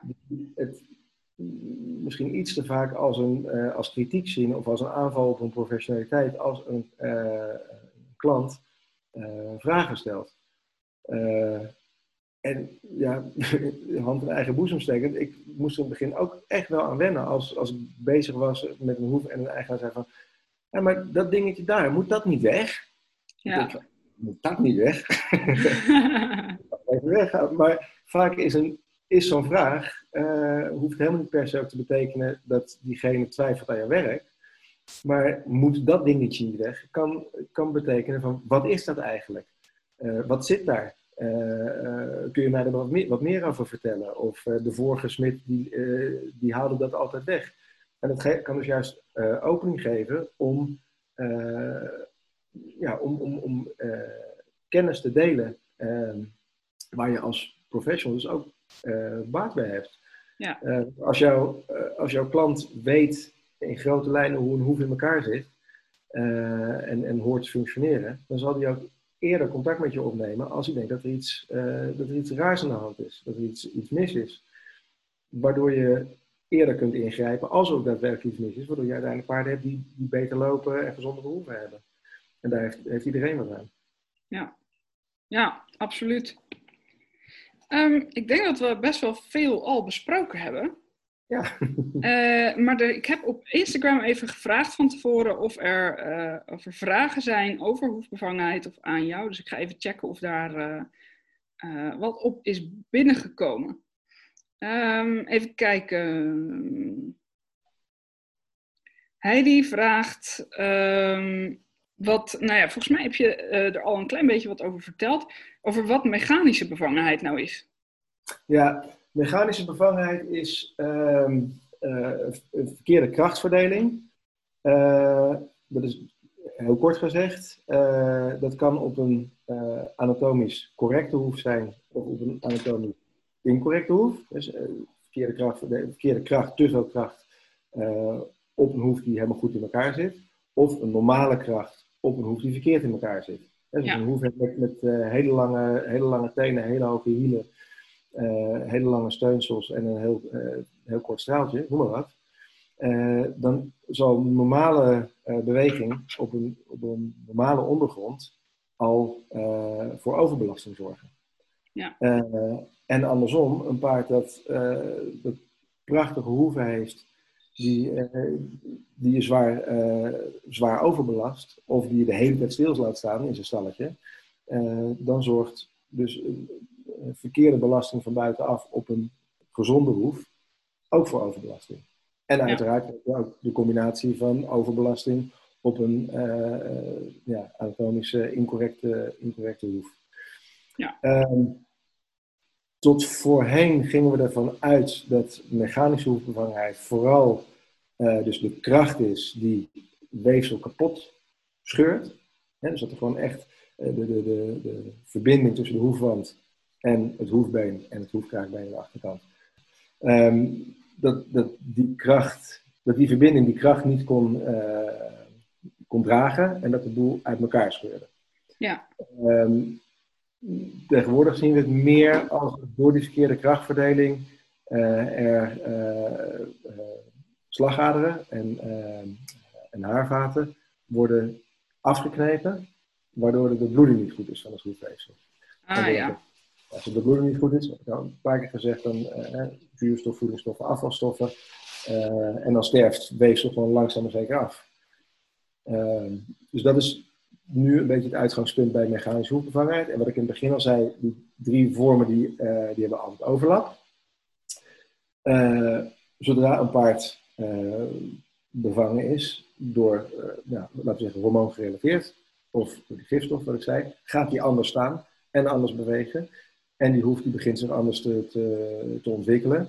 Ja, in al die dingen hoor je al een aanloopje naar uh, dat daar een mechanisch uh, component om de hoek komt. Ja, ja.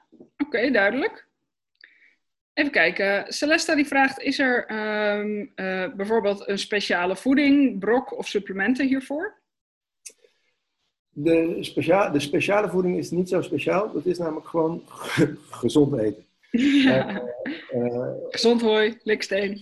Gezond hooi, liksteen, schoon drinkwater. Uh, ja.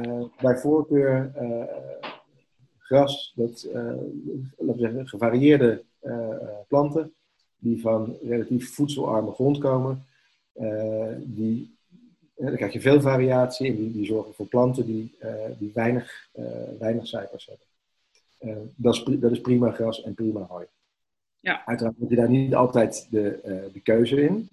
Uh, hier in Frankrijk al iets meer, maar uh, ja, in Nederland is het, zijn toch heel veel weilanden vol met, met koeiengras, ja, bomvol met suikers. Ja. in dat geval is het een goed idee om, om op zoek te gaan dus naar goed hooi. Dat hooi eventueel te laten analyseren. dat er zo min mogelijk suikers en fructose zit. Uh, en eventueel, in het geval van een acute hoefbevangenheid, te spoelen in, uh, in water om, het, om die suikers eruit te halen. Ja. Er zijn er allerlei supplementen die iets zeggen te doen, of ook iets kunnen doen. Er zijn, er zijn bepaalde planten of stoffen die bloedsuikerverlagend zijn, ontstekingsremmend zijn, pijnstillend zijn, enzovoort. enzovoort. daar kun je je in verdiepen, uh, met de nadruk op verdiepen. Uh, als je naar de winkel rent en je pakt een, een potje waar een, een, een, uh, een plaatje op staat van een, paard achterover hangt. En dat heet Laminitis wondermiddel. Ja. Wonderlami. Zou ik niet direct meenemen. Ik zou dan ook echt goed kijken van wat, wat heeft mijn paard nodig en hoe kan ik dat eventueel dus met een supplement ondersteunen. En dat zou ik, ja. uh, zeker als je het met planten wil oplossen, zou ik overleggen met iemand die daar verstand van heeft. Een fytotherapeut. Iemand die gewoon echt weet. Want het kan maar zo zijn dat jouw paard medicatie krijgt bijvoorbeeld. En geef je een plant, dan zitten er altijd verschillende stoffen in. Uh, zeker als je de plant zo geeft de, de, de, werkzame stof is nooit geïsoleerd. Er gaat nooit op zichzelf. Er zitten ook andere stoffen in. En die stoffen die kunnen uh, invloed hebben, uh, negatieve wisselwerking hebben met, ja. uh, met medicatie. medicatie. Ja. ja. Dus overleg dat, overleg dat goed. Oké. Okay. Um, en um, Celeste vraagt ook: um, hangt hoefbevangenheid samen met spierbevangenheid? Spierbevangenheid, uh, nou, paarden kunnen spierbevangen uh, worden na een ernstige aanval van hoekbevangenheid, door een rare stand en verkrampte spieren, maar dat gebeurt niet zo gek veel.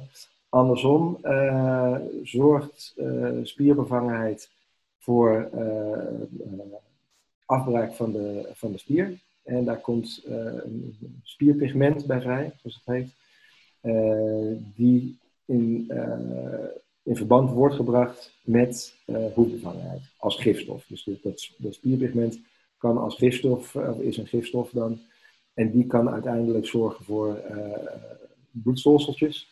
En die bloedstolseltjes die, uh, die verstoppen de haarvaten in de, de, de capillaire de haarvaatjes in de hoef. En die bloedstolseltjes die geven ook nog een stofje af dat vaatvernauwend werkt. Dus ja, er is een link, uh, maar dus, dat komt niet heel gek vaak voor. Maar het feit dat ze die vraag stelt, uh, zou kunnen betekenen dat zij een, paard heeft dat uh, hoefbevangen is geraakt na, na spierbevangenheid. Dus in haar geval zou snap wat zo is natuurlijk, maar het is wel interessant om, om daarnaar te kijken. Dus ik zou niet ja. tegelijk dan zeggen, oh, als een paard niet spierbevangen wordt, want daarna wordt hij ook nog hoefbevangen. Zo zit het ja. niet, denk ik. Nee, precies. Heb je er een die spierbevangen is, is het wel interessant om uh, daarna uh, goed in de gaten te houden. Dat die, ja. Uh, in, de, in de oorzaken zit, is soms de link te vinden. Ja, ja, dat is het vooral. Um, dit is nog wel een leuke vraag van, van Puk. Um, dat gaat namelijk over kanteling van het hoefbeen. of dat te herstellen is. Allereerst, er is veel discussie over. namelijk kantelt het hoefbeen of kantelt de hoefwand weg van, uh, van het hoefbeen. Dus wat is er? Wat is het ja. dat kantelt? Uh, mijn stellingname daarin is dat het alle twee gebeurt. Uh, dus er is de hoefwand, dus de nagel, die draait zich af van het hoefbeen. Met name doordat er een zogenaamde lamellenwig zich vormt dus, dus veel dode uh, hoorncellen en, en, en, bloedserum en uh, allemaal rommel. die zich vormt tussen de hoefband en het hoefbeen. En daardoor wordt de hoefband weggedrukt van, van het hoefbeen. Ja. Ondertussen staat er uh, zeggen 600 kilo uh, lichaamsgewicht van bovenaf uh, naar beneden te drukken op het hoefbeen. En als die verbinding tussen hoefbeen en hoefwand niet meer goed is, en die zal in eerste instantie bijna altijd vooral voor in de hoef kapot gaan, dan uh, begint dat hoefbeen zich ook in die hoefcapsule, in de hoef zelf, te kantelen. Ja. Dus ze bewegen van elkaar af, laat ik het zo zeggen. Ja, dat, eerste, dat eerste gedeelte, dat, uh, de, die hoefwand die dus weggedrukt wordt door doodweefsel van, uh, van het hoefbeen, dat is met een, uh, met een hoefkniptang en een rasp al voor een groot deel uh, op te lossen. Dat wat weggedrukt is, wordt weggeknipt. Uh, en wat je niet ziet, is er niet. Laat ik het even een beetje bot zeggen. Ja, precies. wat veel interessanter is, is natuurlijk die, dat, wat er bij de aangroei van de hoefwand gebeurt. Want daar is waar het, waar het misgaat. Daar gaat die verbinding tussen hoefwand en hoefbeen kapot. Zodra je, en dat komt dus weer het belang van het vinden van die oorzaak terug. Zodra je die oorzaak echt weet te vinden en weet, weet weg te nemen, of zo goed mogelijk weet te beperken, dan is het lichaam goed in staat om weer een gezonde hoefwand te laten groeien. En die gezonde, hoef, die gezonde verbinding tussen hoefwand en hoefbeen, die zal als het ware het hoefbeen weer terug in zijn gezonde positie weten te trekken. Er gaat heel veel tijd overheen. Ongeveer net zoveel tijd als dat het geduurd heeft om, uh, om kapot te gaan. Zoveel tijd gaat het ook weer duren om, uh, ja, om weer aan te groeien. Ja. En uh, uiteindelijk zal het dus goed kunnen komen. Um, dit gaat een beetje in tegen wat heel veel dierenartsen en hoefsmeden zeggen. Die hanteren bepaalde gradaties van kanteling. Die zeggen, nou, als het meer is dan zoveel graden kanteling, komt het niet meer goed. Uh, de wetenschappelijke literatuur kijkt iets verder en die, die zegt, nou, we kijken vooral naar hoe snel het uh, gegaan is. Dus een hoefbeen dat heel langzaam een beetje aan het, aan het, aan het kantelen is, met goede, uh, goede zorg krijg je dat in de meeste gevallen weer goed. Veruit in de meeste gevallen. Als het heel snel is gegaan, zal het waarschijnlijk niet zo zijn. Maar dat zegt meer wat over dus de ernst van de kwaal. ja, precies. Dan of het lichaam zelf in staat is om weer een gezonde uh, verbinding aan te laten groeien. Ja. Een belangrijke kanttekening die ik er wel bij wil plaatsen is dat eigenlijk alles wat ik zeg gaat niet op voor alle paarden. Uh, en um, als er bijvoorbeeld vergaande schade is aan het hoefbeen. Met name als er sprake is van botontkalking. Ja. Dus de porose, als er, als er eh, calcium onttrokken wordt aan het, aan het hoefbeen, dan wordt het hoefbeen als het ware poreus. En als het poreus is, is er minder, en het wordt ook wat kleiner, en het, het, het, lost een beetje op, is er minder oppervlakte uh, voor de huid, de hoeflederhuid, om te hechten aan het hoefbeen. Doordat er minder oppervlakte is, kan, wordt die, die lamellenverbinding dus ook minder sterk. Die kan minder van het gewicht dragen. Dus die gaat moeilijker herstellen of gaat eerder kapot.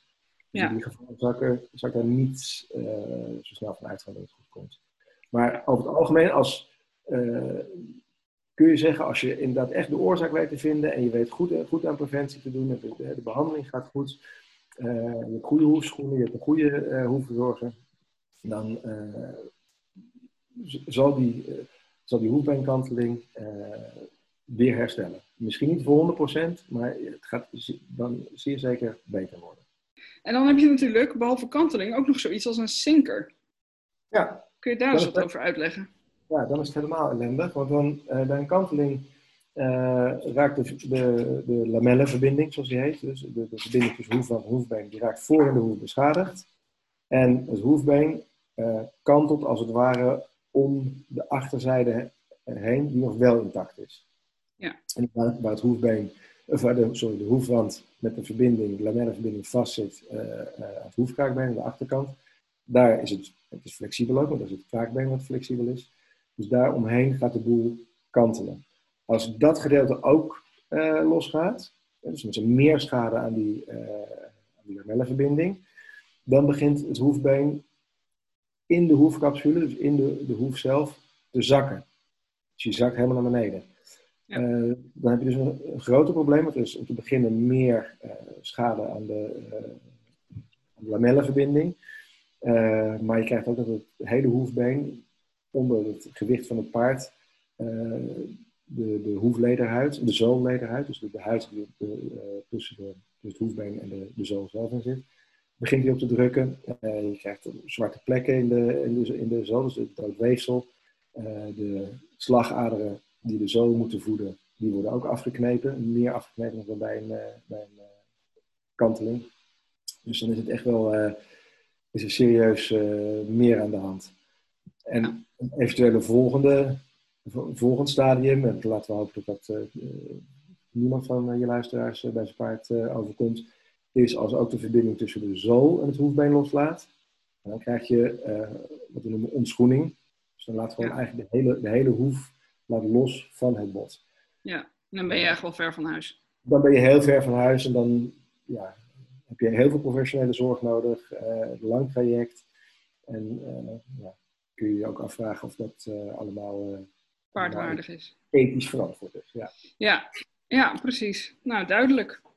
nog één dingetje over die, over die zinker en die, uh, en die kanteling. Ja. Zodra die zinker optreedt, wordt de kanteling meestal minder. En dat kan dus heel een vertekenend beeld geven. Want je kan je voorstellen als het hoefbeen aan de voorkant, als de, de, de tip, de, de, de voorkant van het hoefbeen naar beneden begint te zakken, heb je veel kanteling. Als de achterkant die loslaat en die zakt ook naar beneden, dan komt de boel eigenlijk weer recht te staan, alleen te laat in de hoefcapsule. Ja. Uh, dus sommige eh, uiterlijke kenmerken van een, van een kanteling, die, die, zie je dan niet meer. En dan kun je zelfs vergissen en denken dat het beter gaat, terwijl het juist slechter gaat. Ja, nou ja, vaak is het dan wel zo dat een paard uh, nog slechter gaat lopen, ondanks dat de voet er beter uit lijkt te zien. Ja. Uh, en röntgen zijn daarin gewoon echt heel erg handig, want daar is het goed op te zien, zeker als er een uh, marker geplaatst wordt op de kroonrand.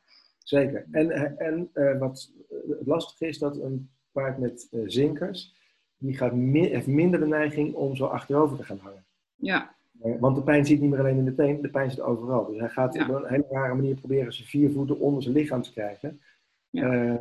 maar als je dat dus nog nooit gezien hebt, en dat is voor veel mensen het geval, dan denk je, hé, hey, eerst stond hij zo achterover te hangen en nou niet meer. Dus het gaat beter met hem. Maar ook dat is dus een reden juist te zien, het gaat slechter met hem. En wat je zegt, de röntgenfoto's laten heel duidelijk zien, en vooral als er markers geplaatst worden inderdaad, een stukje, een stukje metaal op de, op de teen of een, een beetje bariumpasta. Uh, dan kan de, de, de radioloog of de dierenarts heel goed uh, gewoon meten. Zoals met software op zijn scherm. Dan kan hij het later meten. Je kan gewoon zien van, nou, er is zoveel millimeter uh, zinking en zoveel graden kanteling enzovoort. Ja. Nou, duidelijk. En ik denk dat het, uh, um, om eventjes op een uh, soort positieve noot te eindigen. het zinker, dan hebben we het wel gelijk over heel ernstige casussen. Um, is om, uh, uh, als, je dan, als je het dan vooral hebt over het voorkomen van hoefbevangenheid, uh, dat het gewoon heel erg ja, belangrijk is, denk ik, dat eigenaren um, nu al gewoon goed opletten op waar staat mijn paard, hoe staat mijn paard, wat eet hij. in plaats van, en daar al kritisch op te zijn en je erin te verdiepen, in plaats van af te wachten of het misschien goed gaat. Ben ik, ben ik ehm, heel met je eens, ja. Ja, want dat zie je natuurlijk vaak wel. Dat een, een paard, nou ja, je, weet je, je hebt een, een hele fijne stalling gevonden. Paard staat altijd buiten, heeft vriendjes. Uh, het is groot, veel beweging. Alles lijkt te kloppen, alleen er wordt, uh, nou ja, op z'n zacht gezegd, heel crap hooi gevoerd. Heel crap ruwvoer of de wei wordt uh, flink bemest en bespoten.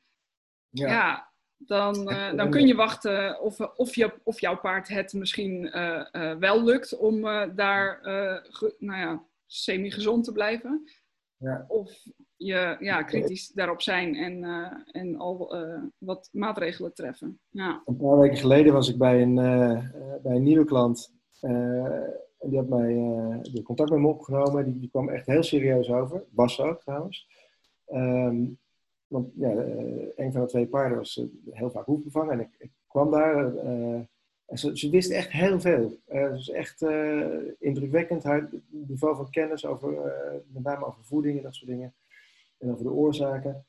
En toen, toen zei ik, nou, we zitten met het hooi. Toen zei ja, ja, dat is een beetje, een beetje lastig. Want dat is de, de, de staleigenaar die dat, ja. die dat zelf oogst en zijn hooi. Ja, maar zou je dan kunnen vragen aan hem of hij uh, jouw hooi, en het stond er al jaren, hè, goede klant, uh, of hij het hooi voor jouw paard, wat je elk jaar van hem afneemt in behoorlijke hoeveelheden, op een ander moment op de dag uh, kan, kan maaien. Want op een ander dag, op een moment, kan de suiker van drie tot vier keer minder zijn. Dat is interessant om dat te vragen. Nou, dat doet hij nooit. Maar waarom niet dan? Ja, want hij, hij, hij weet nooit wanneer hij gaat maaien en dan begint hij en dan wil hij het gewoon klaar hebben. Maar ja, als het echt niet anders gaat, waarom bestel je dan niet ehm, zelf je eigen hooi ergens anders? Oh nee, dan word je helemaal gek. Want uh, dat ziet hij als kritiek. Ja, maar dat, dat is ook kritiek, want je komt aan met een ja. oplossing. Je zegt van, kun je misschien, voor mijn paard is dit hooi veel te rijk, zit veel te veel suiker in. Zou je het op een andere manier kunnen doen? Nee, dat wil ik niet. Oké, dan koop ik mijn eigen hooi. Ja, maar dan word ik boos omdat je, uh, omdat je kritiek op me hebt. Dat is eigenlijk wat hij zegt. En toen zei ik ook echt van, ja, dan, dan moet je misschien toch overwegen om hier weg te gaan. Terwijl alle omstandigheden echt heel goed waren. Ja. dan wordt het echt dweilen met de kraan open. Het paard was insulineresistent en die moest gewoon uh, grofstengelig, arm hooi hebben, weinig suikers erin. En het enige hooi wat zij kon en dus mocht geven. Terwijl, wat, wat moeite man zich mee zou ik denken. Als die ja. eigenaar eigen hooi wil kopen, koopt ze eigen hooi. Maar oké. Dus het enige hooi dat ze kon geven, was dat bomvol met suikers. Alsof je een kind hebt met, uh, met suikerpieten en op school zeggen ze, nee, we eten chocola. Elke dag. Wat er ook ja, gebeurt. En cola, ja. En cola. Dan zeg je, nou, maar dan geef ik hem zelf wat te eten mee. Nee, dat is kritiek. Dat willen we niet. ja. Nee, dat, dat, is inderdaad helemaal, uh, helemaal waar wat je zegt. Het is inderdaad soms heel lastig op, uh, op pensioenstallen. Ja. Terwijl het zo belangrijk is. En wat denk ik nog wel uh, ook belangrijk is om mee te geven, is dat wat je soms, soms ook wel ziet, is dat je um, dat paarden dan op op zo'n arm dieet worden gezet van of een heel streng dieet of zulk arm hooi waar zo weinig nog in zit qua vitamine, mineralen, dat ze daardoor tekorten oplopen. Ja. Dus daarin natuurlijk wel weer heel belangrijk om, nou ja, om wel te zorgen dat je paard voldoende binnenkrijgt, niet alleen maar qua energie, maar dus ook qua voedingsstoffen. Vitamine, ja, exact. Als je, als je echt heel arm hooi gaat geven, je gaat het, je gaat het spoelen om de suikers eruit halen. Um, zorg inderdaad dat die. Geef eventueel een, een, een, een, een balancer erbij. Uh, ja. Het spectrum mineralen supplement. Zodat je ja, in ieder geval zeker weet dat die, dat die daar nog goed zit. Uh, en een, een, tweede ding ook is, let goed op um, dat hij wel voldoende eet. Want een paard gaat gewoon op zoek naar een bepaalde hoeveelheid um, vezels om te eten. Dus wat ik ook nog vaak, te vaak tegenkom, is mensen zeggen, ja, hij is, hij is weer bevangen, dus we hebben hem op uh, dat landje daar gezet. Ja. En dan zie je een landje waar 3 mm gras op staat. Tot de, ja. tot de wortel is afgeknabbeld. Nou, dat eerste stukje gras zit heel veel suiker in. Uh, en die paarden die gaan dus heel, die gaan flink dooreten om maar die bepaalde... Genoeg binnen te krijgen, ja. Genoeg binnen te krijgen. Dus die gaan heel veel eten van iets waar heel veel suiker in zit. Dat is ook geen goed idee. Uh, dus uh, wat voor ons als dieet zou kunnen helpen, daar heb ik niet zo heel veel verstand van, maar hè, wij kunnen nog reguleren in de hoeveelheid energie die we binnenkrijgen, maar bij een, bij een grazer is dat, werkt dat gewoon echt anders. Dus een dieet voor een paard is niet zorgen dat hij niet meer eet. Dat, nee. of, of, dat hij bijna niks binnenkrijgt, dat schiet gewoon niet op. En er is ook nog een verschil tussen voeden om hoefbevangenheid te voorkomen of voeden om gewichtsverlies uh, voor elkaar te krijgen. Ja. Uh, dus ook bij voeden, ik, ik, merk nu dat ik echt de hele tijd allemaal professionals erbij zit te slepen van haal de dieren, haal de hoefsmid. Dat vind ik echt. Ja, uh, absoluut. vraag een voedingsdeskundige. Ja. Het, het, is gewoon echt ingewikkelde materie. Ik merkte ook dat um, vlak voor dit gesprek van ons ik heb nog heel snel mijn eigen boekje doorgebladerd. Ja. en dat vooral dus bij het, het, het, hoofdstukje over voeding. Dat ik echt, oeh, die moet ik even weer goed doorlezen. Het is gewoon echt ingewikkeld. Ja, absoluut. Dus eigenlijk eh, wat je, wat je in het begin van de podcast zei, ja, stap 2. En dan kun je eigenlijk alles zelf. Uh, maar je hebt al deze professionals nodig. ja, daar komt het weer. Ja, ja, ja. die je zelf kunt, is professionals erbij halen. Ja, nou precies. Maar goed, het is, het is gewoon wel echt heel erg belangrijk. Ja, om je gewoon te verdiepen in, eh, in al die verschillende, uh, verschillende zaken. Want uiteindelijk hebben ze natuurlijk allemaal uh, heel veel invloed op de gezondheid van je paard. En dus ook op wel of geen hoefbevangenheid. Ja, en wat, wat ook nog zo is, is dat je krijgt heel veel advies van heel veel verschillende mensen. Ook wat ik zeg is misschien niet overal even, even toepasselijk voor jouw paard of weet ik veel wat.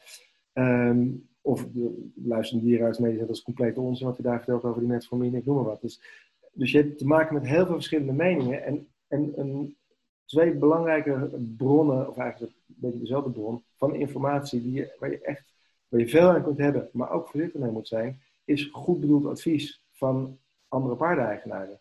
Ja. Uh, dus als je bij jou op stal te horen krijgt van, nou, mijn paard was bevangen en toen hebben we anijszaad gegeven. En de volgende dag uh, liep hij als een, uh, als een kiwi. Dus je moet anijszaad geven. Ja. Kan heel goed zijn dat het geholpen heeft bij dat paard. Maar je weet niet waarom dat zo was, want je kent al die andere omstandigheden van het paard niet. Je weet niet welke ja. behandelingen die ook heeft gehad. je weet niet wat ze, wat ze verder gedaan heeft om... nou, ik kan er een lang verhaal van maken. In ieder geval... Kijk naar het individu. Ja, en dus ook met, die, ook met, dat, met het voedsel. Misschien is het ook daarom dat ik steeds over die professionals heb. En ik, ik heb erg veel vertrouwen ook in de ervaringen van, van andere mensen, van paardeneigenaren. Iedereen ziet weer andere dingen. Uh, alleen sommige dingen zijn gewoon echt om te beginnen complex van zichzelf. En dan ook nog eens specifiek voor jouw paard. En daarom dat ik, dat zeg, ga, niet te veel af op uh, wat, je, wat je op Facebook leest. Zelfs al hebben mensen super uh, ervaring met iets gehad. Uh, maar als je daar een vraag neerzet van mijn paard is hoe vervangen, wat moet ik doen? En dat is eigenlijk hoe ik, uh, hoe ik ben begonnen met dat, dat antwoordenboek. Ik heb gewoon gekeken naar waar werd dat gevraagd. En ben ik gaan turven welke antwoorden er kwamen. Ja, daar stond dus zoveel verschillende dingen tussen. Ook over ja. voedingsadviezen. Ik denk, ja, maar het is echt niet handig om, als je het paard niet kent, om nee. dit voedingsadvies te geven. Dus ja overleg met iemand die er verstand van heeft. En daarna kun je prima weer zo verder, eh, als je uitgelegd is van hoe je eh, waar goed hooi aan moet voldoen en uh, welk supplement je eventueel bij moet geven, kun je, heb je daarna die, die hele voedingsdeskundige misschien niet meer nodig. Maar ik zou ja. toch even uitleggen. Inderdaad. Ik, uh, ik denk dat we ontzettend veel behandeld hebben en dat we er uh, een beetje een einde aan gaan breien. Tenzij ja, je nog iets toe wil voegen. We hebben lekker doorgekletst inderdaad. Ja. Of ik iets aan toe wil voegen. Had ik al gezegd dat het belangrijk is om de oorzaak te zien? ja, nou laten we inderdaad op die noot eindigen. Dat is gewoon het ja. aller, aller, allerbelangrijkste. Uh, of jouw paard nu behoefbevangen is, of er misschien gevoelig voor is, of helemaal niet. Uh, het is, ja, en, uh, ja voorkomen is beter dan genezen. Eigenlijk, dat zei jij net al, een positieve noot. Wat ik echt super positief vind, alle mensen die hier nu naar luisteren, mensen die, die op zoek zijn naar het beste voor hun paard. Want anders zouden ze nu wel te luisteren naar een podcast over vlinders herkennen, ik noem maar wat. ook interessant. Ook leuk. Ja, Hoe bij vlinders herkennen.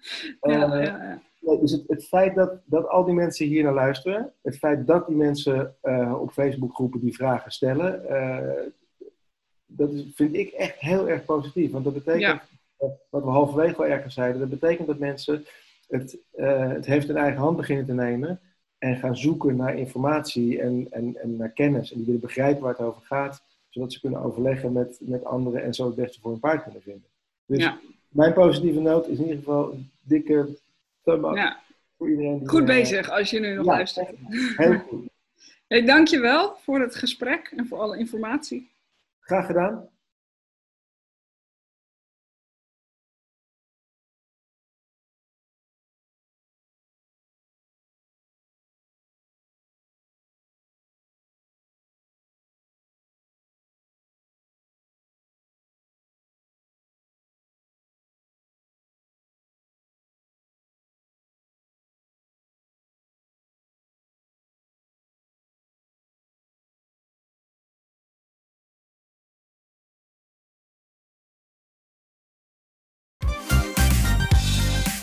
Vond je de podcast interessant en wil je nu nog meer weten?